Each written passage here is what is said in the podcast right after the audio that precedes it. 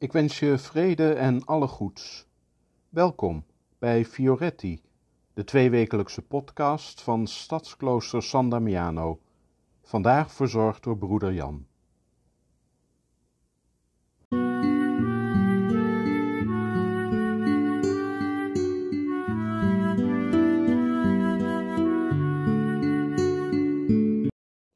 Deze keer wil ik met je nadenken over verwachting. Verwachting is een woord dat goed past in deze tijd. Zo rond de wisseling van november en december begint voor christenen de adventstijd, de voorbereidingstijd op kerstmis. Het is de tijd waarin we de zwangere Maria volgen in het in verwachting zijn van haar baby Jezus, maar ook minder concreet de tijd waarin we uitzien naar het aanbreken van het goede in ons leven. Maar verwachting is ook in het leven van iedereen vandaag de dag een belangrijk thema. Het coronavirus houdt de wereld al maandenlang in zijn greep. We zijn er allemaal wel klaar mee en kijken vol verwachting uit naar de tijd waarop we weer normaal kunnen doen. Elkaar weer gewoon een hand kunnen geven, een biertje kunnen drinken in de kroeg, concerten kunnen bezoeken en geen last meer hebben van die snijdende elastieken van je mondkapje. Ik wil twee woorden bespreken die volgens mij dimensies van verwachting zijn, namelijk geduld en hoop. Verwachting is immers een kwestie van lange adem, van geduld. Dat hebben we wel gemerkt met dat virus. Maar wel met de verwachting dat ons geduld beloond wordt met iets moois, iets beters. Verwachting is hoopvol. Maar eerst geduld. Franciscus van Assisi zegt over het hebben van geduld: Je weet niet hoeveel geduld je hebt als er steeds aan je wensen wordt voldaan. Pas als er niet aan je wensen wordt voldaan, ontdek je precies hoeveel geduld je hebt. Stel je eens voor dat je je hele leven maar hoeft te wenken en er gebeurt precies wat jij wilt. Eventjes zou dat misschien fijn zijn, maar als je erover nadenkt, zou je je leven lang een slap persoon blijven.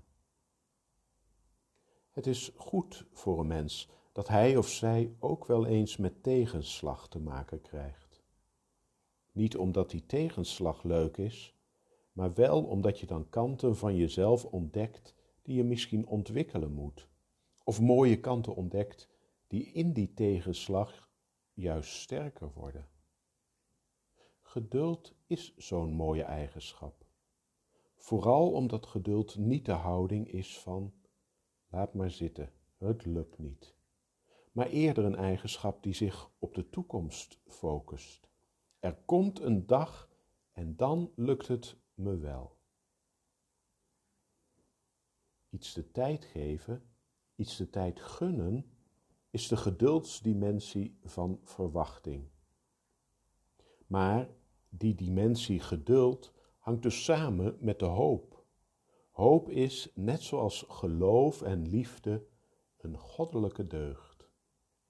Dat betekent niet dat het een goede eigenschap is van God, maar een goede eigenschap van de mens die je richt op God. Maar je mag het woord God, als je dat liever is, ook vervangen door het woord goed. Hoop is altijd gericht op iets goeds, op iets uitstekends, iets waar je blij van wordt. Maar niet iets dat er nu al is. Het is iets in de toekomst waarop je je richt en waarvoor je je, doordat je erop hoopt, wilt inzetten.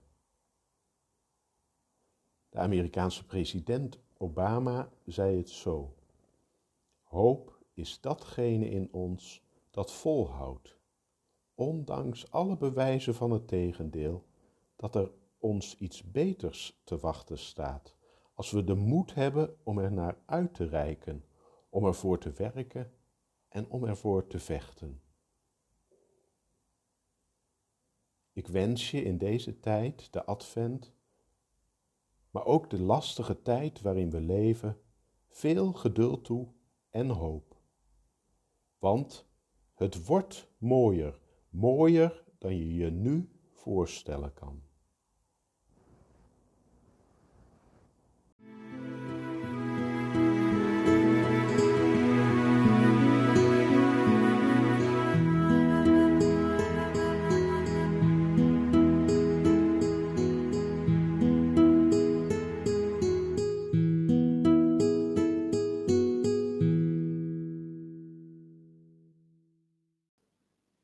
Bedankt voor het luisteren.